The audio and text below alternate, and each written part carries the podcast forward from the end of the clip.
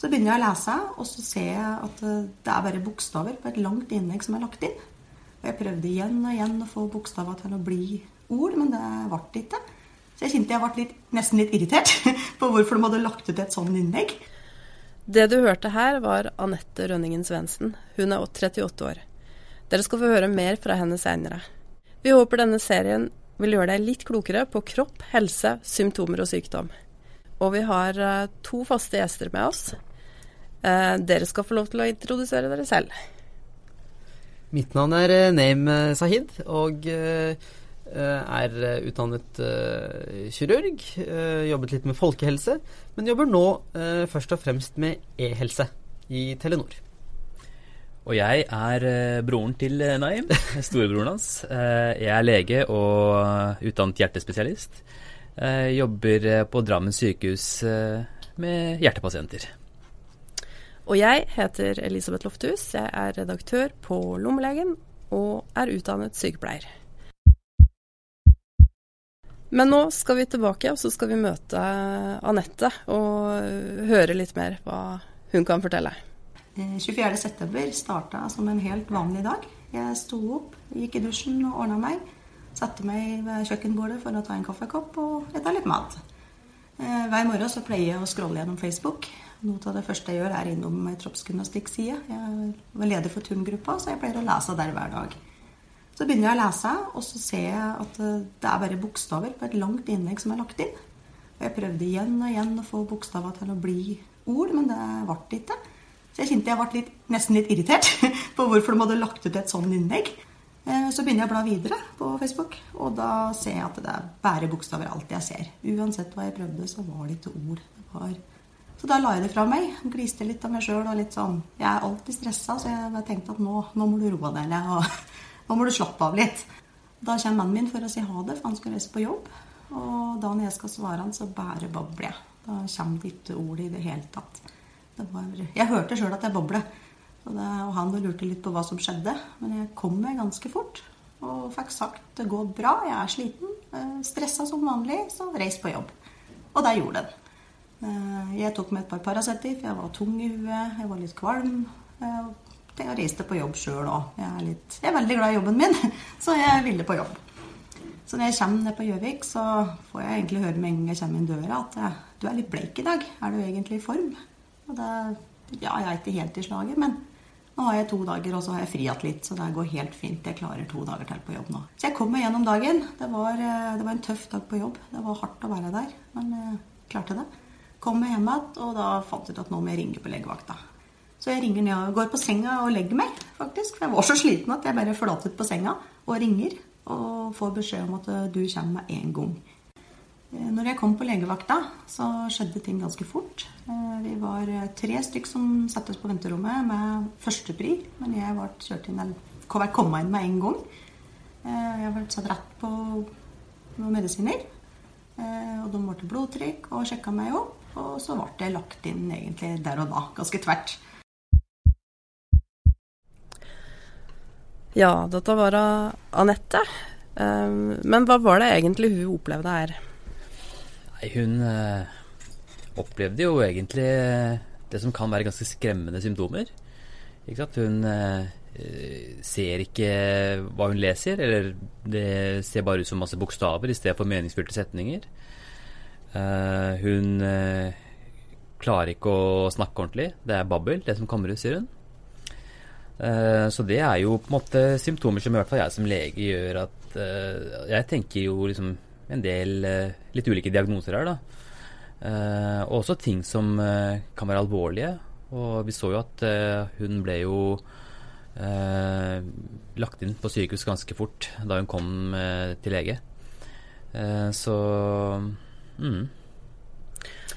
Men uh, Wasim, uh, det, det, hun beskriver, da, ikke sant, ja. er jo det, det, med at uh, hun ikke klarer å lese Facebook-innleggene, og det at mm. hun ikke klarer å snakke skikkelig, um, kan jo være uttrykk for én og samme ting. Mm. Um, det man på medisinsk språk kaller en form for afasi, mm. eller manglende tale av, et, av en eller annen slag. Mm. Og, og, det er jo svært uh, alvorlig. Dette er en ung uh, dame, mm. men allikevel så må man jo med en gang tenke at her kan det være et eller annet i hodet eller hjernen. Mm. Er du ikke enig i det? Jeg er enig i det. Ja. Og man kommer jo fort inn på om det er eh, noe hjerneslag eller eh, hjerneblødning. Er det et eller annet som skjer i hjernen? Er det kommet en eller annen svulst i hjernen? Eh, men jeg tenkte også på eh, en annen diagnose som eh, er heldigvis langt mindre alvorlig og, og vanlig. Det er jo migrene. Noen pasienter kan jo få ganske rare sånne fenomener i forkant av et migreneanfall. Mm. med både synsforstyrrelser og, og talevansker. Og, så det er også noe man det er, jo, det er jo vanligere hos en ung dame enn et hjerneslag, i hvert fall. Ja. Migrene er jo noe man gjerne ser, ser hos unge mennesker. Mm. Og eh, 38 er jo fortsatt eh, Ung i våre bøker.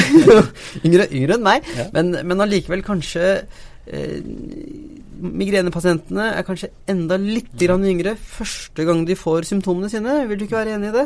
Det kan godt men vi vet jo ikke om hun har hatt dette før. Det kommer Ja, jo ikke frem. Eh, en annen ting jeg tenker på, er liksom hvis du eh, Hvis du har uklart syn eller ikke klarer å lese snøvler og sånt, eh, f.eks. en diabetiker som får Mm. føling, Ja. kan også ligne litt på det. ja, ja. Så vi, det ville jo vært interessant å vite hva som har vært hennes tidligere sykdommer, hvis hun har noen. Eller, om, Mm. hun er, eller om hun er frisk fra før eller ikke. Det var gode betraktninger, eh, det der. Men, men, noen, men noen av disse tingene, da. Eh, ta f.eks. dette her med svulst. Vil ikke det komme mer snikende? Jo, det vil jo det.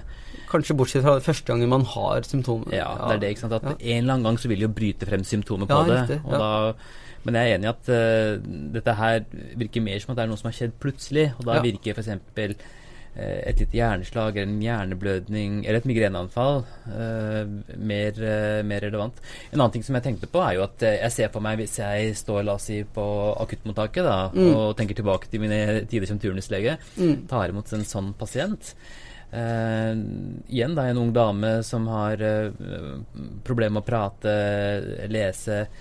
Eh, vi må jo tenke på alt. Eh, man kan også tenke på rusmisbruk. ikke sant? Er det en som har eh, tatt noe et narkotisk middel? Er, er vedkommende full, rett og slett? Drukket Mm. alkohol?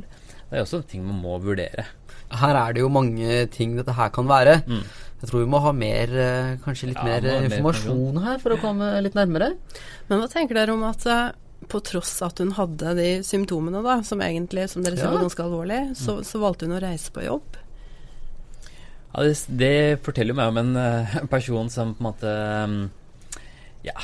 eh, er vant til å stå på, da. Er, eh, hun fortalte at hun jobb, hadde jo to jobber jobbet 200% så Som jobber mye og på en måte kanskje overser symptomer og bare tar seg sammen og skal liksom stå på likevel, da.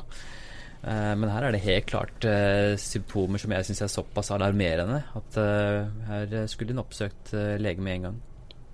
Ja, det, å ikke, det å ikke kunne snakke Mm. det at det bare kommer ut som babbel Mm.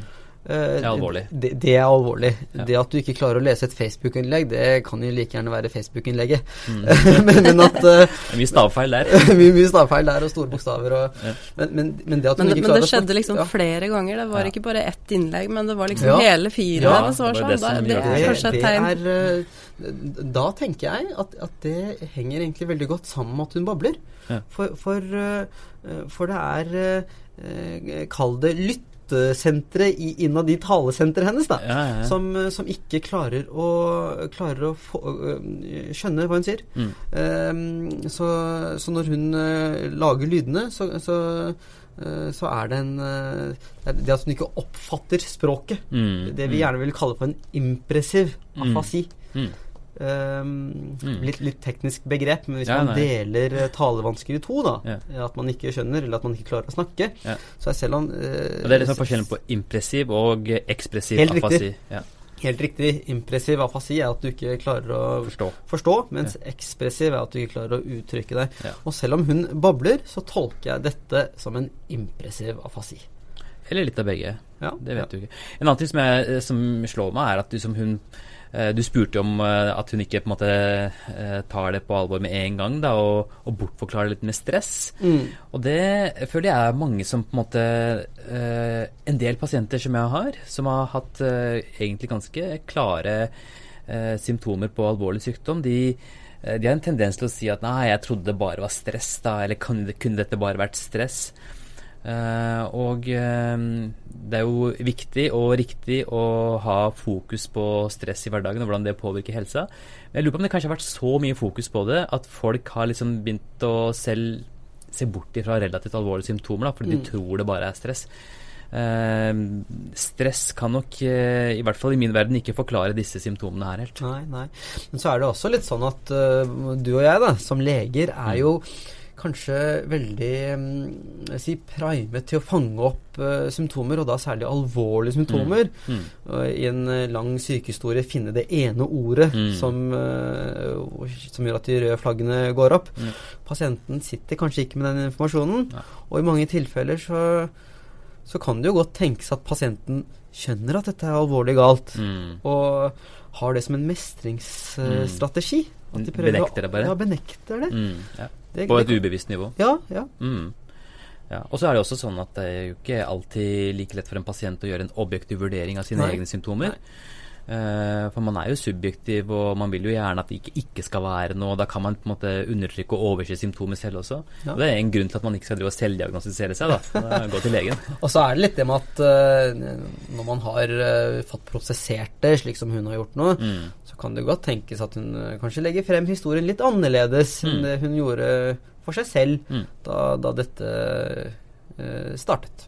Men er vel, vi er vel enige om at uh, dette her er i gaten uh, et eller annet med hjernen, mm. og kanskje et lite hjerneslag, selv om det er en ung kvinne. Ja, og uansett svært alarmerende det hun beskriver. Mm. Ja.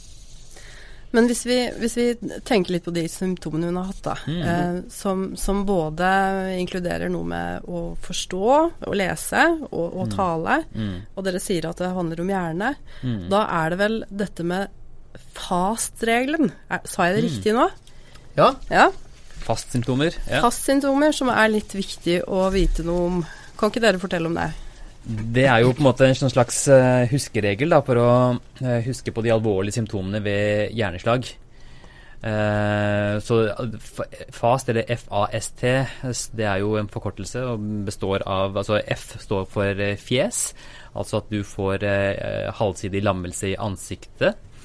A står for arm, og betyr, står for lammelse i arm. Det kan egentlig også være lammelse i et ben, men altså poenget er at det er på én side, da. Så er det S-en som uh, står for språk. Språkforstyrrelse. Enten at du ikke klarer å finne de ordene du har lyst til å si, eller at du bare babler. Eller at det ikke er noen sammenheng i Altså ordene er bare stokket om. Sånne språkforstyrrelser. Så har du T-en, da, som er eh, uh, Som går på noe av det samme, altså tale. Uh, hvis talen er utydelig eller snøvlete. Altså du hører at det personen sier er meningsfylt, men det er bare liksom, litt sånn snøvlete, rar tale. Mm. Og det er jo uh, sånne alarmsymptomer som man skal være obs på, uh, som, som, tyder på at pasienten kan ha et pågående hjerneslag. Og det er en medisinsk nødsituasjon. Mm. Da teller sekunder og minutter, mm. og det gjelder å komme raskt til hjelp. Og, og hun hadde jo kanskje ett eller to av disse symptomene. Ja, hadde jo det. Ja, hun hadde det. Så, der, eh, så, hun hadde jo da faktisk alarmsymptomer på, ja. på hjerneslag og mm. måtte komme seg raskt til lege. Så egentlig burde ikke Anette ha reist på jobb. Kanskje hun til og med burde ha ringt 113. Ja, har du faktisk har du, har du fast symptomer, så skal du ringe 113. Godt råd å ta med seg videre. Ja, men, ja. Eh, men, nei, men la, oss, eh, la, oss, si at det er du som har eh, vakt på legevakten, ja. og hun kommer til deg. Hva gjør du egentlig for å finne ut hva det egentlig er som er galt her? Jeg, jeg, holder jo fast ved at dette er såpass alarmerende mm. at uh, dette er en pasient som må gå inn på, må inn på sykehus. Men noen tester må du gjøre før ja, du sender inn?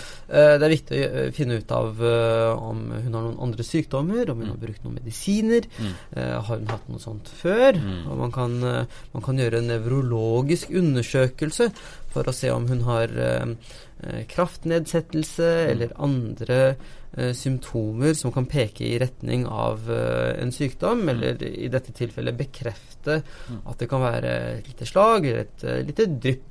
Følelsestap, eh, ja. reflekser som er ulike fra de to ulike sidene. Ja. synsundersøkelser uh, og sånt. Helt riktig, men allikevel så hadde jeg tenkt at uh, her skal vi ikke sløse for mye tid, ja. men heller få pasienten inn til uh, korrekt behandling og utredning på sykehus. Mm. Ja. Samtidig så tenker jeg at uh, hun frembyr seg som uh, ganske uplaget. Da. Hun sier at hun liksom, uh, vitser bort med mannen sin og ja. drar på jobb. og så det er ikke sikkert at Nå sitter jo liksom her og tenker worst case, men hvis man måte, sitter på legevakten og får en sånn pasient i seg, så er det ikke sikkert at man klarer å connecte worst case med en eneste gang. Kanskje hun ikke nevner det med taleforstyrrelsene eller, eller problemer med å lese med en gang. Så mm. um, fordi hun, hun frembyr seg som ganske ok likevel. da. Så ta en god sykehistorie, gjøre en god undersøkelse med en nevrologisk undersøkelse, ja. og så bestemme seg for om man skal legge inn eller ikke. Ja, Blodtrykk, puls, kanskje målt blodsukker. Ja, absolutt. Men definitivt, uh, definitivt tenkt at dette er en pasient som må inn til uh, Jeg tenker jo at dette er en pasient som må undersøkes med en CT-undersøkelse svært raskt. Da er du på sykehus. Da er du på sykehus. Ja. Nå har vi snakka en del om de forskjellige symptomene som mm. uh, Anette fortalte om. Um, og vi har sagt, eller dere som er leger, har mm. sagt en del om hva dere ville gjøre videre ved en undersøkelse. Men la oss um, høre mer hva som skjedde videre med Anette når hun reiste til uh, legevakta. Eh, jeg fikk da diagnosen TIA, uh, som det heter på fagspråket, men som mange kjenner som drypp. Det er eh, type forstadie til eh, hjerneslag.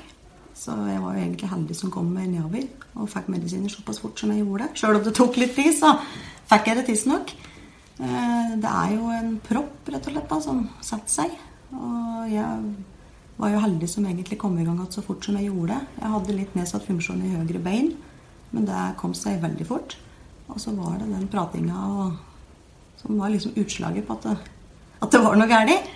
Nå har det gått eh, to måneder, eh, og jeg sliter fortsatt med en del ettervirkninger. Jeg er sjukmeldt fortsatt. Eh, egentlig litt sånn fortvilende, for jeg vil tilbake i jobb. Det jeg syns er litt vanskelig, er at folk ikke ser at jeg er sjuk. For jeg ser jo frisk ut. Det er som jeg satt innimellom skulle ønske det var en arm som var av, eller noe, for da, da ser du det. Men det er ganske mange tunge dager. Jeg har litt aktivitet, så er jeg sliten og kjei. Jeg må legge meg. Og rett og slett bare slappe av og ikke ha noen lyder og lys eller noe rundt meg. Eh, det er litt vanskelig, men det vil jo bli bra etter hvert, har jeg fått beskjed om. Men eh, å godta det er en ting som er veldig vanskelig. Jeg vil, og så vil jeg til kroppen min. Eh, det er vanskelig. Mm. Mm.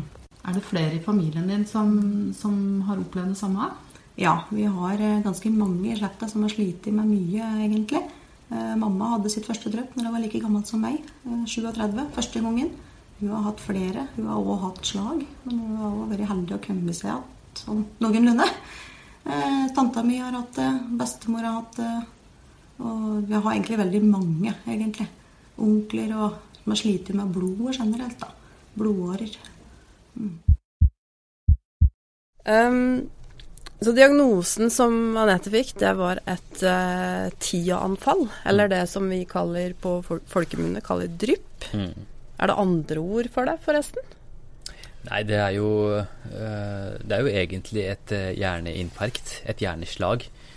Og TIA, eller TIA, det står for transitorisk kjemisk attakk, som betyr at det er på en måte har vært stopp, Blodforsyningen til et område har vært stoppet opp, men forbigående.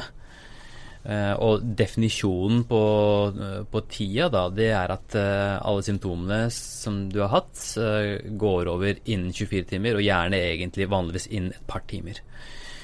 Um, og, og hva, er, hva, er, tida, eller hva er egentlig et hjerneinfarkt? Jo, det er jo sånn at alle organene i kroppen de trenger blod for å uh, fungere.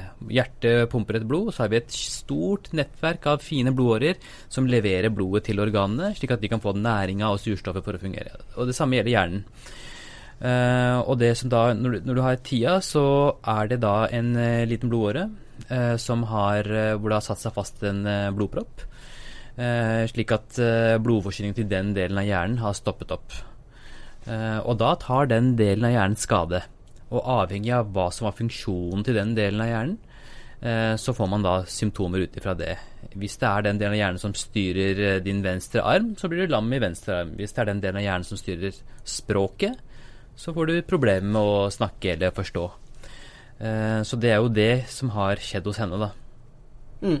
Men hun har jo eh, Vi snakker jo TIA, Mm. eller mm. drypp, kontra hjerneslag. Mm. Så forskjellen er um, altså at tida, TIA, eller drypp, Mm. er eh, forbigående. Mm. At, at uh, symptomene blir eh, bedre i løpet av eh, Innen et døgn. Um, men hvorfor er det så ras eh, viktig å komme til rask behandling, Wasim? Nei, det er klart, altså Det kan man jo forstå. Hjernen er jo kanskje vårt viktigste organ, og Mm. hvis den holder på å, å ta skade, så haster det jo med å på en måte fikse det. Uh, en annen ting er jo at uh, sånne tier, eller sånne miniinfarkter Mm. eller drypp, uh, det er jo gjerne forvarsler til større hjerneslag. Eh, jeg tror jeg leste at én av åtte pasienter som får eh, TIA, de eh, utvikler et hjerneinfarkt over de neste månedene. Og ganske mange av de allerede innen de neste dagene. Så derfor, så nettopp fordi risikoen for å få et hjerneslag etter TIA er såpass høy, så skal pasienter med TIA legges inn på sykehus og, og behandles raskt. Ja. For du kan risikere å få et stort hjerneslag og få da mye større skade og kanskje få ødelagt livet ditt helt. da. Ja, for det er jo det eh, eh, Anette får nå. Hun får veldig tett oppfølging. Mm. Hun har blitt satt på medisiner, hun har blitt satt Mm. på kolesterolsenkende. Mm. Eh, nå vil jo de fleste tenke at eh, kolesterol, det er vel eh, hvis man eh, Det er for hjertesyke, det. Mm, mm. Men det er jo ikke det som feiler Anette. Men, Nei, men det er, egentlig, ja. det er egentlig del av samme sykdom. Da. Det er det vi kaller hjerte-karsykdom. Og Mm. her er det jo et problem med karene hennes, blodårene. Ja. Og, og høyt kolesterol, det vil jo føre til eh, er en av de tingene som kan føre til at du får avlæringer på innsiden av årene, slik at Mm. de blir trangere. Ja. Går det mindre blod gjennom de. Og når de blir ganske trange, så kan det også sette seg fast blodpropper i de. Mm. Eh, og derfor så bruk, setter man ofte disse pasientene på kolesterolsenkende for å hindre at dette utvikler seg videre, at det blir mer avleiringer og mer trange årer. Da. Mm. Men blodfortynning er en veldig viktig del av behandlingen, både i den akutte situasjonen når du har blodproppen, Mm. for å prøve å løse opp proppen, eh, men også i et langtidsperspektiv for å, holde blodet tynt og forebygge at det danner seg nye propper som kan feste seg i sånne områder. Ja. Um, um, så kan man jo begynne å lure på hva, hva er årsaken til at noen får uh, drypp. Mm. Og um, det er vel slik at uh, særlig hos eldre, eller folk som er uh, pasienter som er litt eldre enn Anette, Mm. så kan det jo gjerne være uh, hjerteflimmer eller atriflimmer. Mm. At det er en uh, viktig årsak. Mm. Hvordan var den koblingen igjen? Den koblingen, ja. Altså, eh, hjertet pumper ut blod, Ja. eh, og hjertet består av forkammeret og hovedkammeret. Eh, vanligvis så er det jo sånn at eh, hjertet pumper veldig jevnt og rytmisk, det man kaller for sinusrytme. Mm. Først kontraherer, eller trekker forkammeren forkammeret seg sammen, og så trekker hovedkammeret seg sammen. Sånn Ja. skjer det hvert eneste sekund. Eh, men hvis du får eh, flimmer, hjerteflimmer eller atrieflimmer som det heter, da vil ikke forkamrene trekke seg ordentlig sammen. De står bare og skjelver. Mm. Og, og når noe står og skjelver, så vil også blodet på innsiden stå mye mer stille. Ja. Og hvis blod står stille inni kroppen, så levrer det seg. Det danner seg sånne små propper. Så pasienter med atrieflimmer de kan ha sånne små propper i hjertet som kan løsne fra hjertet og følge blodbanen opp til hjernen og tette gjennom blodåret. Så det er jo da Så når det kommer en pasient inn på et sykehus med, med hjerneslag eller TIA, så skal vi alltid ta et EKG for å sjekke om pasienten har eh, flimmer eller ikke. Mm. Så det er litt sånn at uh, slag og TIA er en del av uh, det man gjerne kaller for hjerte-karsykdommer. Mm. At det er eh, At disse plakkene kan like gjerne Eller disse eh, eh, Blodpropp. proppene Mm. kan sette seg like eh, mye i hjernen som i hjertet. Mm. Ja. Mm. Det er samme system. Ja, og så er det jo også sånn, ikke sant at En ting er at du kan ha flimmer som dan- danner disse blodproppene som setter seg fast, men eh, det kan også hende at du har trange årer på halsen eller eh, lenger opp i hjernen. Eh, da kan det danne seg propper i seg selv på disse trange partiene. Eh, og det er litt viktig å finne ut om det er det ene eller andre, fordi det bestemmer hva slags behand behandling du skal ha. Du trenger blodfortynnende behandling både hvis det er en flimmer som er årsak, eller om det er trange årer som er årsak, men det er litt ulike typer blodfortynning som da er Mm. poenget. Så det må man, må man finne ut av. Ja, men, men både, både, hjerteflimmer, eller atrieflimmer eh, som det også heter da, mer eh, på, på, legespråk, mm. og trange, eh, trange, blodkar opp til, til, hodet, det er vel noe man får i litt eldre ja. alder enn mm. en 38. Um, så når du har en ung kvinne uh, som, som, har hatt tida, så er det vel naturlig å begynne å nøste i andre årsaker mm. til, eh, til, eh, til, drypp og slag. Mm. Ja, helt klart en veldig atypisk pasient for, for tida, mm. eller hjerneinfarkt. Hun er kvinne. Mm. Hun er ung. Ja. Så da må man jo tenke Er det noe spesielt med slekten hennes? At de er arvelig belasta på en eller annen måte? At de har noen gener som gjør at man har mye høyere risiko for HD? Det bekrefter hun jo. Ja. Det er mange i familien som har hatt det. En annen ting som jeg vil tenke på, er om hun har eh, en eller annen medfødt defekt i hjertet. Altså mm. f.eks. et hull i hjerteskilleveggen. Eh, det vi kaller for en ASD på fagspråket, eller en eh, PFO. Det er en annen type. Det som da skjer, er at da er det en åpen forbindelse mellom høyre og venstre forkammer. Mm. og da kan man også få sånne små propper som kommer fra høyre side og krysser blodbanen over til venstre side og følger opp til hjernen. da. Så en ultralyd av hjertet for å se etter noen sånne mm, medfødte feil, det hører også med i utredningen av en sånn pasient. Spesielt hos uh, Anette her. Mm. Er det slik at uh, en pasient som har hatt dette her i ung alder, mm. har uh, høyere risiko for å få det igjen? Nå spør jeg veldig ledende, for det er, ja, altså, jeg, det, er det jo. Jeg vil jo si at alle som, uansett hvilken alder du får det, har ja. du hatt tida en gang, så er du plutselig i en annen risikosone. Ja. Eh, og det er nettopp derfor at da eh, alle disse pasientene settes jo på videre forebyggende behandling, fordi mm. man vet at de har høyere risiko for å få det igjen. Eh, og, eh, og, og, spesielt det at det er en risiko for å få hjerneslag, da, som kan være mye mer omfattende og dramatisk og farlig, mm. så er det veldig viktig med, med forebygging. Både i form av eh, medikamenter, sånn som hun får, eh, og også livsstilsendringer. Igjen så er dette en del av det samme hjerte-karsykdomspekteret. Ja. Og, eh, og, de samme tingene gjelder her også. At det lønner seg å ha et uh, sunt kosthold, uh, være fysisk aktiv, sørge for at uh, blodtrykket er godt regulert, unngå å være overvektig, unngå å utvikle diabetes. så hele den sunne livsstilen kommer inn her også. Ja, for jeg vil gjerne trekke det litt tilbake til det jeg sa i stad. At eh, hjerte, eller slag og tida er del av eh, hjerte-karlidelsene. Mm. Og det som er godt for hjertet, sunt for hjertet, er også godt, sunt for eh, hjernen. Mm. Uh, slik at uh, mye av den samme behandlingen mm. uh, som man får etter et hjerteinfarkt, vil være aktuell etter mm. et drypp eller slag. Ja, det er mer eller mindre lik behandling ja. etter de to to tingene der. Mm. Uh, men jeg tenker tilbake til historien til uh, Anette her, da. Uh, som jeg syns var et veldig morsomt poeng, som hun illustrerte. Hun sa at hun hadde problemer med, med høyre benet. Mm. Og, og, det sier jo noe om hvor dette dryppet kunne ha sittet i hjernen. Ja. Som passer veldig godt med de språkproblemene hun fikk. Forklar. Ja, um, det er jo slik at uh, uh, nervene som kommer fra hjernen, ja. de uh, løper nedover ryggmargen og krysser over på andre side. Ja. Slik at høyre ben ja. styres av venstre hjernehalvdel, og venstre ben styres av høyre hjernehalvdel. Og hvor sier jeg da at det passer med de andre symptomene du fikk? Ja, for talesenteret sitter gjerne på venstre side. Ja, mest på venstre side. Ja. Og så er det, hvis man skal bli veldig fin på diagnostikken her, da, ja. så, så, er det vel også slik at uh, talesenteret sitter egentlig ganske uh, langt ut på siden og nedad ja. på hjernebarken. Okay. Omtrent der hvor bennervene ja. sitter. Ja. Så, så, dette passer egentlig ganske godt uh, sammen. Ja. Mm. Så hvis man hadde tatt et CT-bilde, eller kanskje et MR-bilde av hodet hennes, så hadde man sett en flekk ut på høy, venstre side av hjernen. Ja, mm. det må man anta. Som er da det dryppet som man ser, da. Mm.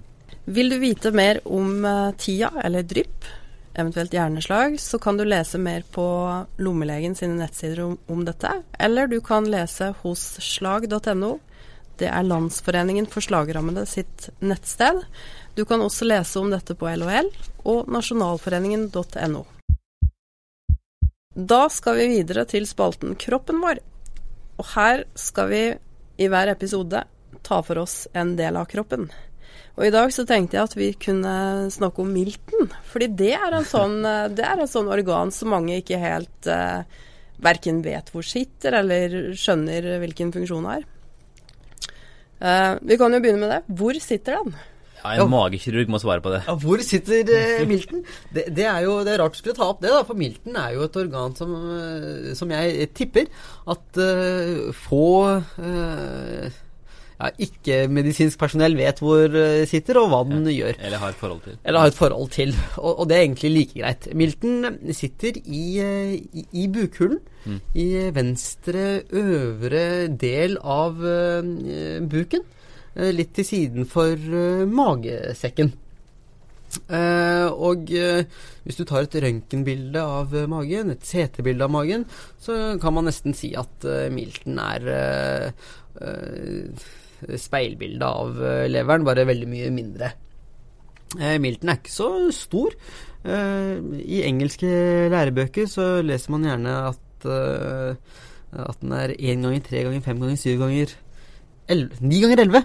Eh, og, og, og, det, og det er en huskeregel, da, selvfølgelig. Det er en huskeregel. Det er liksom eh, oddetallene her, da, ikke sant. At den er én tomme ganger eh, tre tommer i størrelse. Ja.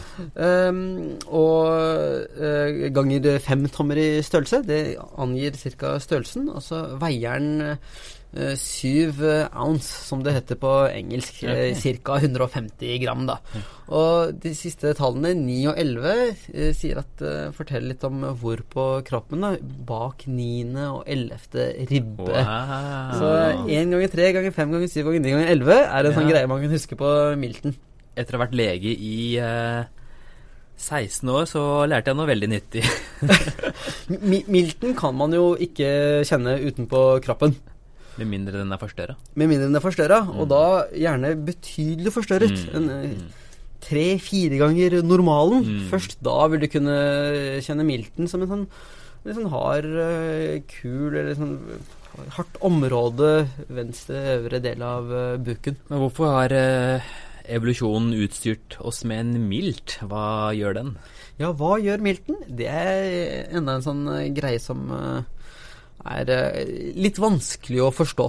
I fosterlivet eh, så er det faktisk en del eh, blodproduksjon i milten. Mm. Milten er med på å lage disse røde blodcellene eh, før man er født og i ung, ung alder. Men i voksen alder, eller i resten av livet, så har milten en eh, Den renser blodet for de røde eh, blodcellene.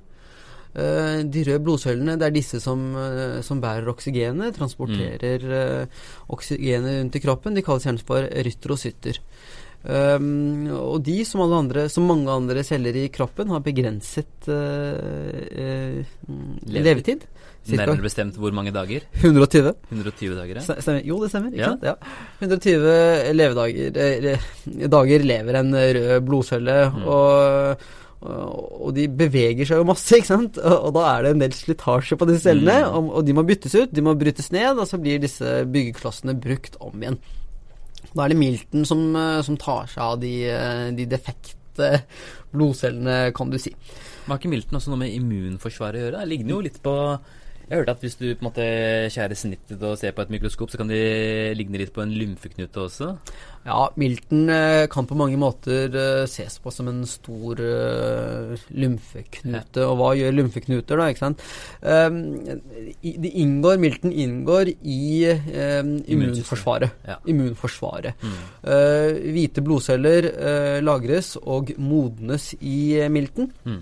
Produserer vel også antistoffer, en, eh, milten, som kan feste seg til bakterier og sånne Ja, ting? helt riktig. Ja. Og de eh, bakteriene som har eh, fått sånne antistoffer på seg, fremmedlegene, Mm. bakterievirus som har fått antistoffer på seg, vil også bli fanget opp Mm. av milten og kan bli destruert der. Sånn. Mm. Så milten kan ha mange funksjoner. Eh, Men kan man egentlig leve uten en milt? Ja. Man kan det. Du kan Du i- og med at du mister en del av immunforsvaret, så blir du da mer utsatt for å få infeksjoner. da. Eh, Så det, det er jo enkelte sykdommer som faktisk krever at du må fjerne milten din, eh, fordi den gjør mer skade enn nytte for deg. Og de pasientene de må da dekkes med ekstra vaksiner for å beskyttes mot eh, lungebetennelse, influensa. Eh, men du kan eh, leve helt normalt eh, uten en milt. Resten av kroppen tar over, holdt jeg på å si. Men du trenger litt støtte, da. Og det klassiske er jo at man skal ha vaksine mot pneumoni, eller lungebetennelse. En pneumokokkvaksine. Mm, mm. For det er en sånn type bakterier som, som, som milten eh, håndterer hvis, hvis den er eh, intakt. Da. Mm, mm. Men du sa at noen ganger så må den fjernes, altså opereres ut. Mm. Men, men hva slags type sykdommer og tilstander er det som kan eh, ramme en milt, da? Som gjør at du trenger å operere den ut? Ja, altså Det begynner å bli eh, litt komplisert, da. Men ehm, um, det er når uh, milten på en måte ikke spiller på lag med det, men, uh, eh, men skade, gir gir deg mer skade. Uh, F.eks. så er det noe som heter ITP, som står for eh, idiopatisk uh, trombocytopenisk purpura. Som egentlig betyr at eh, du har for lite blodplater. Blodplater er den type celler som stopper blødninger. Eh, når du får eh, et sår på hånda og ser at etter hvert så blir det en skorpe der, så er det blodplatene som gjør det. Eh, mens eh, ved visse sykdommer da, så kan eh, F.eks. ved en sånn ITP så kan eh, disse blodplatene bli ødelagt av milten. Uh, og behandlinga blir da å rett og slett fjerne milten, f.eks. Og så er det også sånn at milten er involvert i en rekke andre sykdommer også. Uh, hvis du f.eks. Ja, hvis du som er kirurg og det kommer en pasient med en, en stor milt, uh, så kan det være alvorlige sykdommer som ligger bak, bl.a. Blodkreft. Så uh, tror jeg vi må nevne at uh, traumer, Mm. ulykker, uh, sp spiller en del kan, spi kan spille en rolle her. øh, mildruptur. Miltruptur, rett og slett. Ja. Og da, det klassiske er jo at man får sykkelstyre i magen. Ja. Ruptur, det er jo sånn at den ja, at du, da, eller? Ja. Se for deg at du sykler, og da er jo gjerne sykkelstyret eh, akkurat i nivå med der hvor jeg veldig elegant beskrev hvor eh, Milton eh, var. Og hvis du blir påkjørt fra siden, eller eh, blir kastet fremover, og treffer, eh, treffer sykkelstyret på riktig uheldig vis, så kan Milton bli såpass skadet at den må fjernes. Problemet er jo at eh, Eller det- som jo blir problemet, er at eh, det er stor blodgjennomstrømming gjennom mm. milten. Mm. Vel, eh, milten er et eh, organ som er eh, eh? Det, fil det filtrerer eh, Mm. blodet etc., etc., så det er mye blod som strømmer gjennom hele tiden. Mm. Og hvis man får en stor skade, så vil det naturlig nok bli en stor blødning. Mm. Og eh, i en del tilfeller så er det det eneste man kan gjøre, nemlig å fjerne milten. Mm. Jeg tenker, altså Kirurgi er jo din gate og skader og sånn. For, men for min del, så hvis jeg får inn en pasient med en eh, forstørret milt, så vil jeg tenke på liksom andre eh, indremedisinske Ja. diagnoser. Altså, for eksempel, en, en ganske vanlig en, det er jo mononukleose, altså kyssesyken. Mm. eh, som er virusinfeksjon som rammer både svelget, og du får vondt i halsen og sånn hvitt belegg på Ja, ja. mandlene dine. Og så ramler det leveren din og, og milten. Eh, slik at eh, du kan jo ha sånne unge, tynne eh, pasienter som kommer jo Og da er det ganske lett å kjenne både en forstørret lever og en forstørret mild, hvis den er ganske forstørra, da. Mm. Eh, fordi de svulmer opp, rett og Ja. slett. Og de pasientene, det er et viktig poeng, pasienter med kyssesyke, de, mens de har, måte, er syke, da, så må de jo unngå å få slag mot disse Mm. organene. Så de får ikke drive med fysisk aktivitet som kan gi slag, ent- altså f.eks. kampsport eller slalåm eller et eller annet da, som kan um, gjøre at du kan få slag mot disse organene som er oppsvulmet og syke, for da kan de sprekke. Og det, dette er jo litt kult, da. For, eh, for ofte så bor vi jo litt i bobler. Mm. Eh, for meg så er en, eh, en vanlig grunn til å ta ut milten en, en skade, men for, for deg som jobber med indremedisinske problemstillinger, Ja. så er det helt andre årsaker til, til til miltlidelser. Eh, ja, det er Ja, altså- artig å få oppfrisket uh, Ja, så tror jeg den biten litt. også det er uh, enkelte på en måte immunsykdommer. Ja. Jeg mener at jeg husker at jeg har sett pasienter som har immunsvikt, altså de rett og slett mangler en viktige deler av immunforsvaret. De kan også ha forstørrede milter. da. Og så er det vel eh, litt sånn at eh, en del tropiske sykdommer, Mm. sykdommer vi ikke har så mye i Norge, da, Mm. uh, som f.eks. malaria, Mm. kan, eh, kan gi eh, at man får eh, store milter. Sigdcelleanemi også. Ja, helt riktig. Det er også en sånn spesiell form for eh, eh, blodmangel, da, Mm. eh, som gjør at blodcellene dine, i stedet for å se ut som smultringer, slik de vanligvis gjør, eller Ja. ikke helt tomme smultringer, da, men i hvert fall sånne runde linser med et søkk i midten, Mm. eh, så ser de ut som eh, sigder, Ja. altså sånne halvmåner. Ja. Og, de de, og, og, og sånne blodceller har, har jo veldig dårlig funksjon, de fungerer jo ikke. Eh, så da blir det som en slags som, akkurat som å mangle blodceller. Men de kan også ha forstørret milt. da. Mm. Mm. Men det er ikke så vanlig i Norge, er det det? Det er ikke så vanlig i Norge. Det er nok eh, vanligere i eh, egentlig afrikanske og asiatiske land. Ja. Men, men Naim, har du noen gang operert ut en milt? Du, det har eh, heldigvis blitt eh, ganske så sjeldent at man eh, gjør det nå. Så i løpet av min karriere så har jeg gjort det, vært med på det to ganger.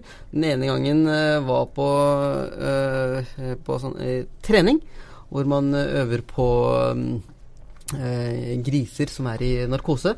Eh, så kun én gang har jeg vært med på å fjerne en eh, milt på en eh, pasient.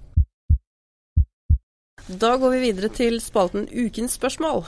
Eh, og da skal jeg lese opp et spørsmål som vi har fått på lommelegen. Som jeg tenkte vi skulle ha med i den serien her. Ehm, det kommer fra en mann på 70 år, og han eh, skriver at det er mye som tyder på at jeg har fått podagra. Jeg er altså en mann på 70 år. Jeg går mye, jeg drikker vel litt mye øl. Et, flar, et par flasker om dagen. Primært til mat. Mitt spørsmål er, kan jeg fortsette å gå turer? Jeg går stort sett hver dag ca. ei mil. Det går greit, men er noe vondt i stortåa. Bør jeg kontakte fastlegen? Jeg tenker på å kutte ned forbruket av øl noe, men vil det egentlig hjelpe? Mm. Hjelpe mot hva? Ja, pasienten tror jo at han har Eller pasienten nevner jo uh, at han mistenker at dette kan være en eh, podagra. En eh, podagra er jo um, Nå skal jeg bli litt teknisk her, men podagra er jo en, eh, en krystallartritt. Nemlig en leddsykdom som kommer av at det er krystaller, rett og slett, som eh, kommer inn i leddene og eh, med sine skarpe kanter eh, stikker, skjærer, eh, risper og gir smerter. Mm. Gir en betennelse, egentlig. Ja. Mm. Og, og årsaken til uh, bakenforliggende årsaken til en uh, podagra, eh, eller en urinsyregikt, er, eh, ligger gjerne i eh, proteinomsetningen. Mm. At, eh, at det kan være at den er for høy, at det gir for mye urinsyre, som jo er et nedbrytningsprodukt av eh, proteiner. Hvis man drikker mye alkohol, så kan det skade, kan skade leveren, kan, eh, og det kan påvirke proteinomsetningen. Det er jo eh, liksom, som, det er som du sier, det er en betennelse i et ledd. Ja. Ofte så er det hos menn. Ja. Ofte så er det stortåa. Mm. Og det klassiske er jo liksom en, den 60-70 år gamle mannen som kommer på legekontoret, og eh, forfoten har blitt rød og hoven, og det er kjempevondt å røre på stortåa. Ja. For det er en skikkelig betennelse der. Eh, og, og det er jo Og da må jo det behandles eh, med eh, betennelsesdempende, som regel. For de fleste så vil det være nok å gå på en kur. Noen må settes på forebyggende eh, medisiner som reduserer produksjonen av urinsyre i kroppen, slik at du ikke får sånne krystaller. Da. Men det han spør om, det er jo Han har jo, noen, han har noen viktige spørsmål her. Eh, det første som jeg slo meg litt, er at han går en mil daglig. Det er jo for det første veldig bra. Ja. Altså Det er kjempebra for helse. Eh, og kan jeg fortsette å gå turer? Eh, selvfølgelig skal han fortsette å gå turer, men kanskje akkurat i den perioden eh, betennelsen er på sitt verste, og det er liksom rødt og hovent og vondt å tråkke på, så er det ikke så veldig lurt å provosere det med å gå 10 000 skritt den dagen. Eh, så jeg, jeg tenker jo at han må liksom lytte til, til kroppens signaler. da. Hvis det er eh, hvis det er vondt å gå, så bør han kanskje la være å gå de dagene. Eh, Eller kanskje finne noe alternativ eh, fysisk aktivitet, altså i basseng eller et eller annet, hvis han må røre på seg. Eh, og så mm, Og så, så spør den andre bør jeg kontakte fastlegen. Ja, det må han jo for å få behandling, fordi behandling er reseptbelagt. Og så er det sånn som du har vært inne på, da, om det hjelper å kutte Men, på øl. men eh, Wasim, nå gikk du gjennom alle spørsmålene her, og jeg må nesten be deg rygge lite grann. Okay. For, eh, for det viktigste har vi jo ikke, har vi jo ikke tatt, da. ikke sant? Aha. Er det podagra han har? Man må jo få bekreftet diagnosen, da. ikke sant? Og dette her kan jo like gjerne være en, en, en annen type gikt. eh, en, en slitasjegikt i tåen, ikke sant? Det kan det. Det kan være hvilken som helst revmatisk gikt, egentlig. Ja, og stortåa er jo en sånn uh, smerter i stortåa når man går når man går lange skiturer, f.eks. Ja, ja. Det, det er jo en sånn typisk eh, plage for pasienter eh, med slitasjegikt i stortåa. Jeg syns det er viktig at han går til fastlegen. Uh, det er et av de spørsmålene han stiller. Bør jeg gå til fastlegen? Ja. Man må få stilt diagnosen. Ja, det er sant. Her Må må, vi, er. her, her må vi få tatt uh, prøver på hvorvidt urinsyren, da, som Ja. er årsak til en podagra, er forhøyet eller ikke. Og ta røntgen av uh, tå, kanskje. for å I hvert fall eh, utelukke andre årsaker. Utelukke andre årsaker. Mm. En sånn tå skal jo være rød og hoven og svært vond. Ja. Eh, det skriver han ingenting om. Eh, Nei. så, men, Ikke så mye symptomer som kommer fram. Nei, nei, Nei. jeg, jeg syns denne her må Han må til legen og få sjekka det ut. Ja, Ja. Så et eller annet er det jo. Så Ja. han bør få sjekket det ut. Men det han skriver om øl, da. Har det noe sammenheng? Ja, for å svare på spørsmålet ditt da, om eh, å kutte ned på øl vil hjelpe, så er det sånn at uh, hvis det er en eh, podagra, hvis det er en urinsyregikt, så står det jo også at uh, alkohol det forverrer jo, og, og spesielt da øl. Eh, så han kan prøve å kutte litt ned og se om han blir bedre av det. da. Men det går ikke an å få podagra hvis jeg drikker for mye øl. Det er ikke sånn det henger sammen. Ja, hvis du drikker for mye øl, så har du mange andre problemer enn eh, podagra. Eh, det er klart, eh, overbruk av alkohol Det er nok, det er en, det er nok en sammenligning sammenheng der, mistenker jeg. Ja. Ja, er altså. Hvis det var et tips til noe vi bør snakke om i denne serien, eller en tilbakemelding til oss, så kan du sende oss en melding på Lommelegen sin Facebook-side, eller du kan sende et tips på mail til meg til, til Elisabeth, krøllalfa lommelegen.no. Og hvis du har et spørsmål om helse eller symptom, så kan du alltids eh, spørre legespesialister og leger på lommelegen.no. Der kan du være helt anonym.